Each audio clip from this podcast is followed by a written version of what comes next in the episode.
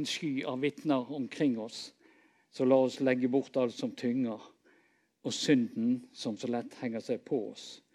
Og holde ut i det løpet som er lagt opp for oss. Med blikket festet på ham som er troens opphavsmann og fullender, Jesus. For å få den glede han hadde i vente, tålte han korset uten å bry seg om vanæren. Og nå har han satt seg på høyre side av Guds trone. Ja, tenk på ham som holdt ut en slik motstand fra syndere, så dere ikke blir trette og motløse. Her får vi gode råd for hvordan vi kan leve livet vårt. Hjelp til å holde ut i det livet vi har som troende i denne verden. Vi blir oppfordret til å ha blikket vårt festet på Jesus. Han som har vært prøvet i likhet med oss. Så la oss lære av ham. Søndagene fram til påske skal vi se på forbilder i Guds ord. Forbilder fra Bibelen da, som levde vendt mot Herren. Og Vi begynner i dag som nevnt med Daniel. Neste søndag blir det Josef. Og søndagen etter der Esra og Nehemja. Så det blir spennende å se hva vi finner i Guds ord. Et forbilde er en rollemodell. Et menneske som vi kan lære noe av og etterligne. Foreldrene våre er forbilder, og det er de for sine barn, alle foreldre. For barna tar etter hvert etter det foreldrene gjør. Og Det er slik vi alle begynner å lære å leve. Vi ser på det de gjør, og vi gjør det samme. Og vi tar etter de. Og det kan også være søsken vi tar etter, for all del. Men egentlig har da foreldre et stort ansvar. Gode foreldre gir ikke dårlige råd og viser ikke en dårlig vei å gå om vedkommende elsker sine barn. Så kjærligheten til barna og til de som skal vokse opp sammen med dem, er det viktigste. Noen er forbilder for oss for en enkel handling, mens andre er forbilder for et levd liv. Forbilder er en på godt og vondt. Ikke alle mennesker er gode forbilder. Og vi trenger å lære oss å skjelne mellom hvem som er gode forbilder, og hvem som ikke er det. Internett kom. Vi har kommet i løpet av min tid. Og De siste årene har vi vært vitne til en voldsom utvikling med mulighet til å formidle sitt budskap. Hver og en av oss kan gjøre det. Man når masse mennesker uten å gå via offentlige medier. Dette har jo egentlig eksplodert. Mange vil være forbilder. Bloggere eller influenser, altså en som påvirker. Og det er mange som vil være det. Det er tvilsomt om mange av disse som i de senere år dukker opp på sosiale medier og gjerne vil påvirke ditt liv og fortelle deg hva du skal gjøre, egentlig er så gode å følge etter. Forbilder må ha et liv som er preget av at de ikke er ute etter egen vinning. Det er mange mennesker der ute som bare vil styre og lede for sin egen del. For å bli kjent og for å få oppmerksomhet og for å få makt. Egentlig blir vi alle beskuet av de som lever rundt oss. Ingen av oss kommer unna andres blikk på våre liv. Og det er helt naturlig. Og er vi bekjennende kristne, ser det ut som om mange følger ekstra med på hvordan vi lever våre liv. Paulus gjør oss oppmerksom på dette og på det ansvaret vi alle har i 2. Korinterne 3, 2-3. Men dere er selv vårt anbefalingsbrev, skrevet i våre hjerter, kjent og lest av alle mennesker. For dere fremtrer som et kristig brev blitt til ved vår tjeneste. Det er ikke skrevet med blekk, men med den levende Guds ånd. Ikke på tavler av stein, men i menneskers hjerter. Det er viktig at vi er bevisst på at også vi er forbilder på godt og vondt. Våre valg påvirker andres valg. Og Guds ord snakker om forbilder. Og Paulus ber Timoteus om å være et forbilde. Han sier til ham, la ingen forakte deg fordi du er ung, men vær et forbilde for de troende i ord og gjerning, i kjærlighet, troskap og renhet. Være et forbilde i tro og gjerning. Tenk på det.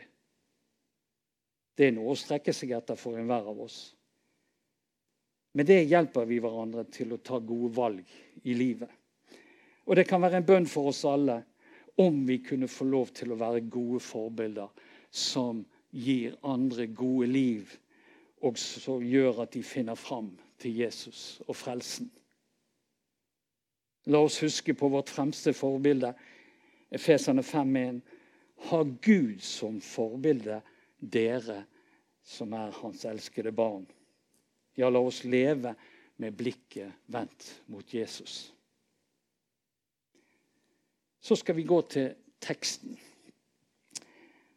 Nå har vi hørt denne teksten lest fra det første kapittelet i Daniels bok. Og Dette gav oss litt av begynnelsen til det vi vet om Daniel, til Daniels liv i Babylon. Daniel ble bortført fra Jerusalem til Babylonia som tenåring år 605 før Kristus. Og Der levde han i over 60 år. Og han kom mest sannsynlig fra en overklassefamilie i Jerusalem. Siden han havnet på slottet til kongen. Daniels valg i livet og hans overgivelse til Gud er forbilledlig og noe vi absolutt i dag kan lære av.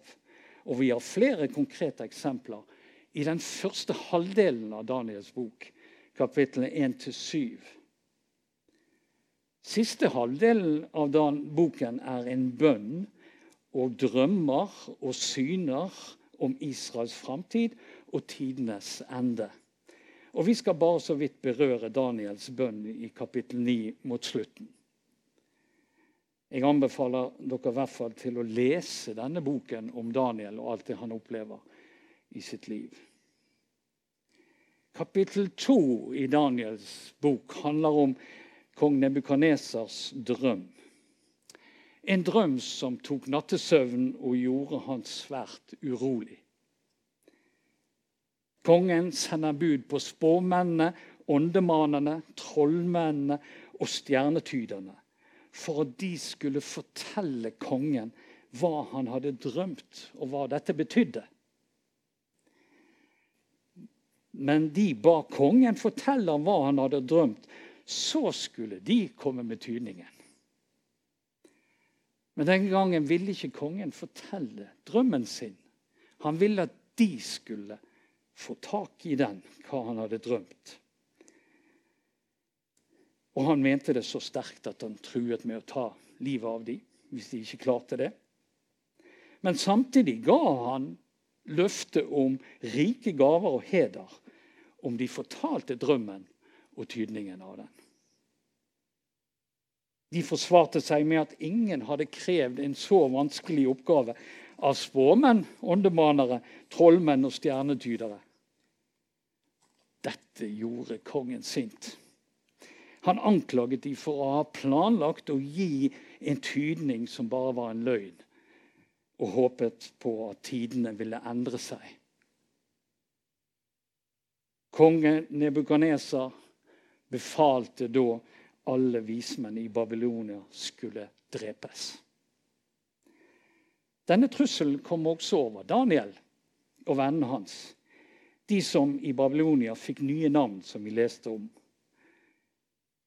Daniel begynte å undersøke, og han gikk til livvakten, han som hadde fått ordren fra kongen om å utføre denne, disse drapene. Da. så ba han livvakten om å vente litt.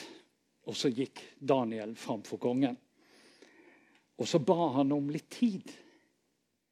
Og lovet kongen å fortelle han drømmen og tydningen.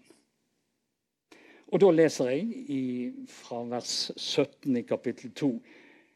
Deretter gikk Daniel hjem og fortalte det som hadde hendt til sine venner Hananya, Mishael og Asjara.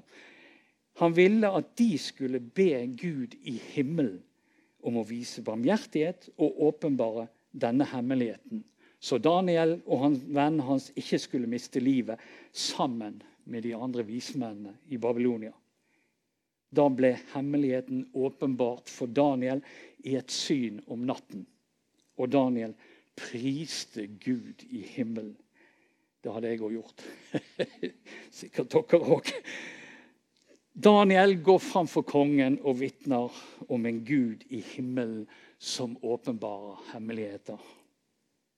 Han sier at Gud i drømmen som kongen hadde, hadde, hadde eh, om natten, har kunngjort egentlig for kongen hva som skulle hende i framtiden. Og så forteller Daniel drømmen og deretter tydningen. Nå skal ikke vi gå inn på hele det, for det tar altfor lang tid. Men dere kan lese om dette her, som sagt. Da Daniel var ferdig med å fortelle, så skjer det noe flott. Og vi leser fra vers 46 og ut kapittel 2. Da kastet kong Nebukadneser seg med ansiktet mot jorden og hyllet Daniel. Han bød at de skulle bære frem offer og røkelse for ham. Kongen tok til orde og sa til Daniel.: Sannelig, den guden dere dyrker, er Gud over alle guder og herre over alle konger. Han åpenbarer hemmeligheter, siden du har greid å åpenbare denne hemmeligheten. Så lot kongen Daniel få en høy stilling og ga mange store gaver. Han gjorde ham til herre over hele provinsen Babylon og til øverste leder for alle vismennene der. På Daniels bønn satte kongen Shadrach, Mesak og Abednego til å styre i provinsen Babylon. Daniel selv ble ved kongens hoff. Daniel gjør det vi alle bør gjøre i vanskelige tider. Han ber. Daniel forsøkte seg ikke med en tolkning på denne drømmen som kongen hadde hatt på egen hånd. Nei, han ba om litt tid med tanke på at da kunne han be. Da kunne han søke Gud. Dette er et eksempel for oss. Og det er alltid lurt å følge dette eksempelet. Be om litt tid. Ta det med ro. Ikke handl, men søk Herren først når det oppstår vanskeligheter og ting som vi må ta stilling til. Og jeg håper at det er dette du gjør. At du ber når du har det vanskelig. Og at du òg erfarer den hjelpen det er å invitere Herren inn i det du syns er vanskelig. Og at du ikke først forsøker på egen hånd å løse disse vanskelighetene du står overfor. For han har makt. Og det er det vi trenger å forstå, tror jeg. Han har makt til alt. Til alt. Vi tenker at vi må gjøre noe sjøl. Vi tenker at vi, vi, har fått en forstand, det er klart det, og vi skal bruke den. Det har ingenting med det å gjøre. Men noen ganger er det helt nødvendig å søke Gud først. For han kan gjøre alt. Ikke nok med det at Daniel ber, han får òg sine venner med seg i bønn, som vi leste her. Bønn i enighet med flere har større kraft. Dette snakker Bibelen om, og det ser vi her. De søker Gud sammen for den vanskelige situasjonen de var kommet i. Daniels tro, der han satset på at Gud ville svare deres bønn og handling overfor kongen, blir altså et vitnesbyrd om en levende Gud. Og ved å handle i tro så kan vi òg få oppleve å være vitner om vår levende frelser i dag. Og La oss ikke glemme å ta med at Daniel og vennene hans takket og lovpriste Gud da de hadde fått bønnesvar. Det må vi alltid huske på å takke. Husker du at Jesus en gang etterlyste takknemlighet? Det var for de som var blitt helbredet av spedalskhet. Jesus sa, 'Ble ikke alle ti rene?' Hvor er da de ni? Var ingen andre enn denne fremmede som vendte tilbake for å gi Gud æren? sier Jesus. Så la oss alltid huske å takke. Noe annet som vi kan lære av denne hendelsen her i kapittel 2, som vi har vært innom, og jeg tar også med den hendelsen som det står om i kapittel 5. Det er en ny konge. Daniel er fremdeles, men nå er det kong Belsasar som regjerer. Han opplevde å se fingre skrevet på veggen. Og de klarte heller ikke å tyde det, disse her. Magiske forsøk på å tolke åndelige hemmeligheter kommer til kort, kan vi lære ut av dette her. Spåmenn, åndemanere, trollmenn og stjernetydere kunne ikke åpenbare for kongen drømmen og tydningen. Og altså i kapittel 5 kunne de ikke lese den skriften som ble skrevet på veggen. Og Dette er egentlig en oppmuntring til oss som troende til alle tider. Åndelige kvakksalvere kan aldri stå seg imot den hellige ånds visdom og makt. Det er denne visdom og makt vi har til rådighet når vi venner oss til Gud og søker Hans hjelp i tro. Og Dette står det om i 2. Korinterne 10, vers 3-5, og jeg leser det. Vi lever som mennesker, men vi kjemper ikke som mennesker gjør. For våre våpen er ikke fra mennesker, men de har sin kraft fra Gud og kan legge festninger i grus. Vi river ned tankebygninger og alt stolt, stort og stolt som reiser seg mot kunnskapen mot Gud. Og vi tar hver tanke til fange under lydigheten mot Kristus. Våre våpen har sin kraft fra Gud noe som gjør at vi kan våge store ting for Gud, som vi ser Daniel gjør. Og som William Carey sa det våg store ting for Gud og forvent store ting av Gud. Daniel våget store ting for Gud og forventet store ting av Gud. Og Gud sviktet ikke, er fortellingen om hans liv. Daniel er et eksempel for oss, et forbilde. Daniels tro og måte å leve på blant kongen og de øverste lederne er et vitne om Guds storhet. Han forble en ydmyk, troende Herrens tjener, selv om han som menneske kom svært nær de mektige herskere som han levde under, og som han samtidig fikk stor tillit hos, og som gav han stor makt i samfunnet på den tiden. Daniel hadde overgitt sitt liv til Herren. Det gjorde at hans blikk var på Gud. Dette gjorde at han kunne leve upåvirket i maktens sentrum på den tiden. Daniel lærer oss å sette Gud først, både privat og offentlig. Å leve med vårt blikk på Gud og følge Han. Daniel lærer oss at det går an å velge seg vekk fra den avgudsdyrkelse som andre mennesker rundt oss gjør i sine liv. Daniel ga alltid Gud æren. Og han inspirerer oss til å bli trofast mot Herren uansett hvilke vanskeligheter som måtte komme.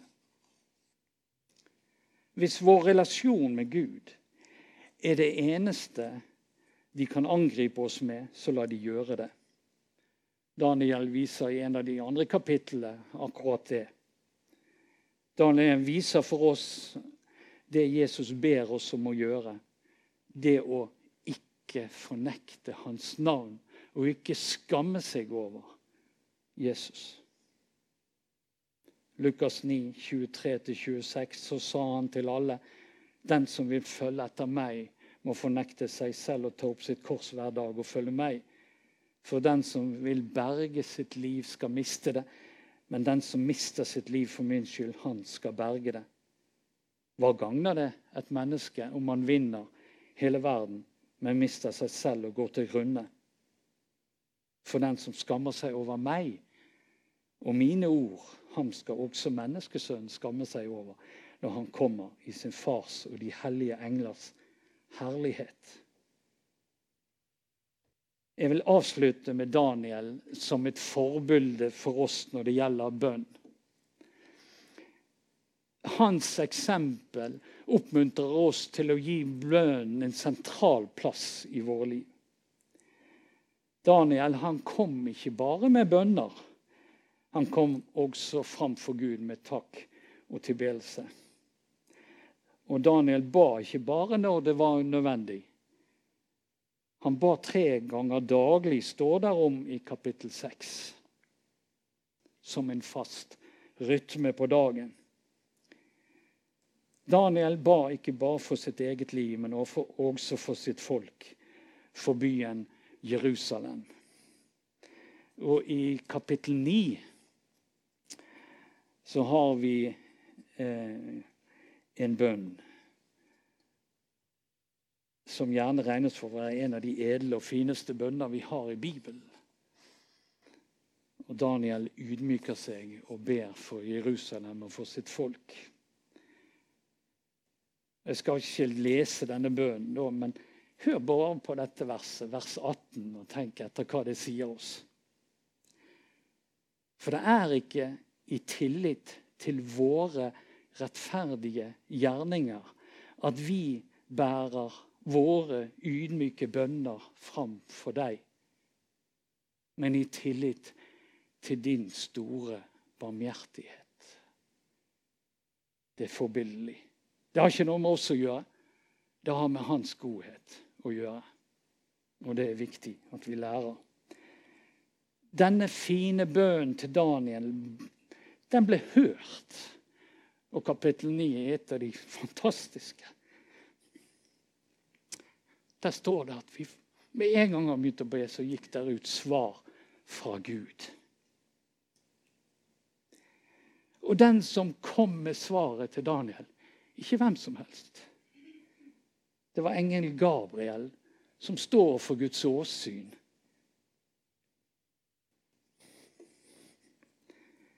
Han som òg kom med budskap til Maria. Å leve med blikket vendt mot Jesus i bønn og vilje til å følge Guds bud gir velsignelse i livet, lærer vi av å se på Daniel. Og det kan åpne dører for den som lever. Det leser vi og finner ut om Daniel. Til slutt skal jeg bare sitere fra en god sang fra søndagsskolen om Daniel. Og den kan vel flere av dere. En sang om det å ha mot og være frimodig som kristne. Våg å stå som Daniel, sett deg for et hellig mål. Åpent det bekjenn. Stå i rekken fast som stål, og kjemp som Daniels menn. Våg å stå som Daniel. Hjelp fra himmelen vent. Fatt som han et hellig forsett, gjør det fritt bekjent. Skal vi be sammen. Herre, vi takker deg for det Daniel viser oss i ditt ord. Og det vi får lære av livet hans, som vi kan ta med oss inn i vårt liv her i dag, vi som lever mange hundre år etter Han. Herre, takk for at du er den samme. Du er alltid den samme. Og du er trofast. Takk for at du hører bønn. Takk for at du beskytter. Takk for at du gir oss det vi trenger. Ja, du sørger for oss fordi du elsker oss. Og vi får lov å ta dette med inn i livene våre og leve videre sammen med deg. Velsign oss alle. Amen.